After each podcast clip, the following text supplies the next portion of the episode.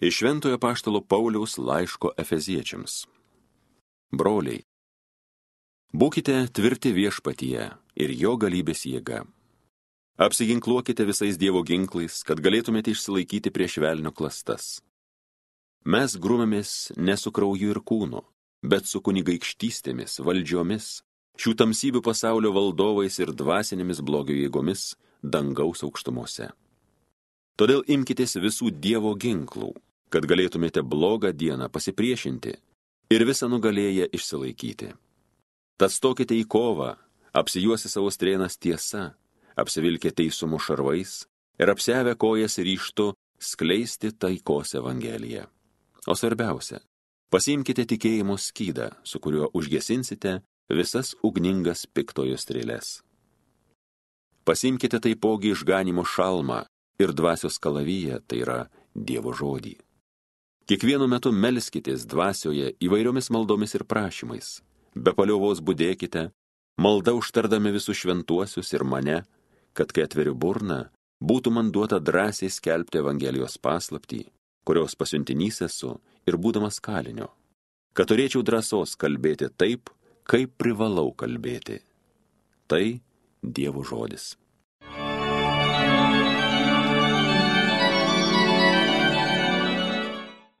Šlovė viešpačiui, mano tvirtoviai. Šlovė viešpačiui mano tvirtoviai, jis miklina mano ranką kautynėms, kumštį grumtynėms, šlovė viešpačiui mano tvirtoviai. Jis man pilis, mano meilė, priedanga ir vaduotojas mano. Man jisai prieglaudas skydas, davė tautas man valdyti, šlovė viešpačiui mano tvirtoviai. Tau Dieve naują giesmę sukursiu, skambinsiu tau dešimstygę arfą, Mūsų valdovams pergalės duodi, gelbėjai Dovydą savo į tarną, šlovė viešpačiui, mano tvirtoviai. Alleluja, alleluja, alleluja. Garbė karaliui, kuris ateina viešpaties vardu, ramybė danguje, šlovė aukštybėse. Alleluja.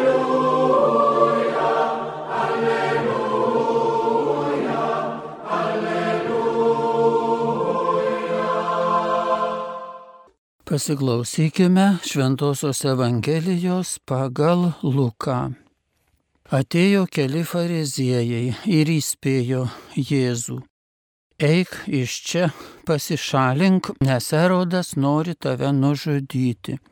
Jis atsakė jiems, keliaukite ir pasakykite tam lapiai. Štai aš išvarinėju demonus ir gydau šiandien, tai darysiu ir rytoj o trečią dieną būsiu visą atlikęs. Bet šiandien ir rytoj ir poryt aš turiu keliauti. Nederagi pranašui žūti ne Jeruzalėje. Jeruzalė, Jeruzalė. Tu žudai pranašus ir užmuši akmenimis tuos, kurie pas tave siūsti.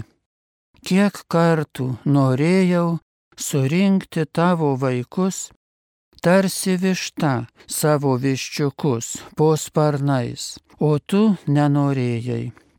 Štai paliekami jums jūsų namai.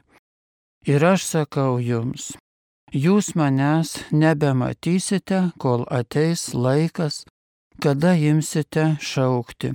Garbė tam, kuris ateina viešpaties vardu.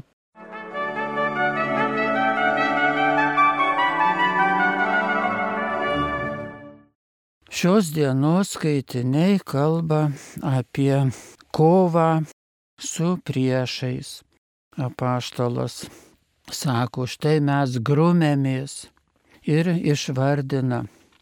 Ir apibendrinant galime pasakyti jo žodžiais, kad tie priešai tai dvasinės blogio jėgos.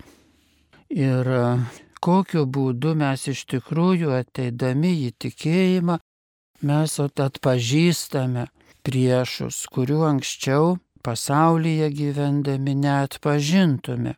Ir toks skirtumas yra, galim sakyti, tarp žmogaus, kuris gyvena su Dievu, jis tokią išvalgą įgyja, jis pamato priešus, kurie yra tikrieji jo priešai. o tas, kuris, nu, nepažįsta Dievo nei tiesioginiu, nei netiesioginiu būdu, jis gyvena iliuzijose, nes, nes jis nesupranta, kas yra jo priešai ir kas draugai, ir kartais sumaišo net atvirkščiai.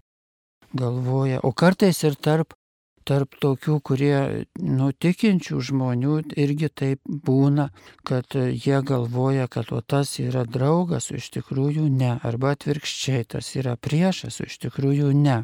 Ir čia galėtume turbūt sakyti, nu visi mes žmonės ir visi klystame, galime suklysti, palaikyti priešus draugais, galime neatpažinti priešų ir tada mūsų gyvenimas ir mūsų taip pat tikėjimas, mūsų krikščionybė tampa tokia su iliuzijos atspalviu. Ir štai todėl psalmė kalba apie tvirtovę, kad viešpats mūsų tvirtovė. Reiškia, mes ateiname artin Dievo, lyg į, į tvirtovę įžengiame ir tada pamatome tuos priešus. Ir dar labiau Evangelija apie viščiukus ir, ir kaip jie slepiasi po vištos sparnais. Taigi tai čia Dievo artumos simbolis, toks keistas, ūkiškas, kaimiškas galime sakyti, suprantamas senovės žmonėms, nu ir mums turėtų būti suprantamas. Bet jo esmė ta turbūt yra artumas tarp žmogaus ir Dievo. Ir kuomet mes esame arti Dievo, mes e, kažką labai daug įgyjame, nu šilumą ir tie viščiukai sušyla, tampa stiprus. Atsigauna, sakykime, jeigu bėginėdami kur nors gavo lietaus, kaip dabar, drėgmės, jiem nejauku, jie ima drebėti arba juos kas nors išgazdina. Jie tada bėga po vištos sparnais ir ten atsigauna, višta juos, nu, padrasina, įsivaizduokime, bet iš tikrųjų jie pailsi, atsigauna, sušyla ir vėl išeina į gyvenimą ir žiūrėkim, kokie jie energingi. Taip ir mes, atėję pas Dievą, mes labai atsigauname, sušyla žmogaus siela, norime būti geri, Įsivaizduot, kokia jėga. Ateiname pas Dievą, būname su juo ir išėję iš to artimo ryšio su Dievu, turime tokią pajėgą, jėgą, stiprybę būti gerais. Bet čia mes atsiminkime jau Winstono Čerčilio, to išmintingojo Britanijos premjero, kuris taip, jis daugelį talentų turėjo ir mes lietuviai tikrai galėtume pastudijuoti rekomenduoju Winstono Čerčilio asmenybę, jo biografiją.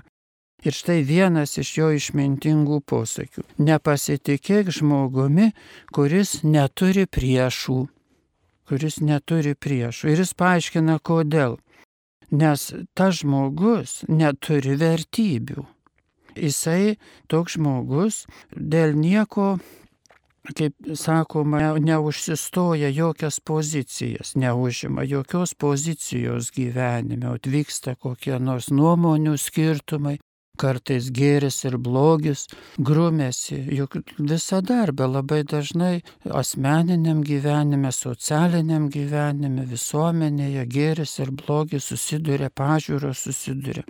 Ir yra tokie žmonės, kurie niekad neužima jokios pozicijos. Jie taip žiūri, eina kavos išgert, alaus ir jiem tas pat. Arba ką nors, nedaug dievė, tokie tikintieji yra irgi, kurie bėga pasislėpti, bet jau blogąją prasme pasislėpti į tikėjimą, kad nereiktų užimti gyvenime pozicijos. Ir Čerčilis sako, nu kas iš tokių žmonių? Jeigu tu neturi vertybių, neturi dėl ko pasisakyti, neturi savo, gal ir turi tą nuomonę, bet jos neišsakai, tai yra, reiškia, nu, tavo gyvenimas nėra vertingas ir tu negali iš tikrųjų susilaukti pasitikėjimo iš kitų žmonių. Nes tu esi toks, toks netikras, netikras žmogus ir aišku, jeigu kalbėtume apie tikėjimo žmonės, tai tikėjimas būtų toks netikras. Ir tiek, kiek mes leidžiame savo sakykime, taip neatpažinti priešų. Bet čia menas yra turbūt atpažinti priešus. Kartai žmonės tokia tikrai turi nuostatą, kad o aš gal galiu gyventi neturėdamas priešų su visais, sutarti su visais, draugauti, teisingai su žmonėmis. Ir Jėzus jisai niekam nebuvo priešiškas žmonėms, bet pasakydavo labai tiesų žodį. Ir tas tiesumas, tas pozicijos turėjimas ir to daugelių, žinai, žmonių ir, ir tikinčių jų šventųjų gyvenime, tai visų matysime, kad jie turėjo poziciją gyvenime. Ir visuomenėje žmonės, kurie užima tam tikrą poziciją, už gėrį stojasi, pasipriešina blogiui. Tai yra apie tai turbūt, ką kalba šios dienos skaitiniai, ypač pirmasis apaštalo Pauliaus kai jis sako, mes grūmėmės. Ir ne su žmonėmis, kaip jis sako, ne su kūnu ir krauju, reiškia ne su žmonėmis, bet su tomis blogybėmis, dvasinėmis blogio jėgomis. O kad turėtume tikrą atsparos tašką, tikrą gilę, gilę ramybę savo protę, savo širdį, sieloje, tai mes einame į tą psalmėje minimą tvirtovę, kurioje būname su Dievu. Arba einame pas patį Dievą, kaip sako psalmi, tam, kad mes ten įgytume tą ramybę, išmintį įgytume, supratimą ir kartu tokį ryštą atlikti savo misiją.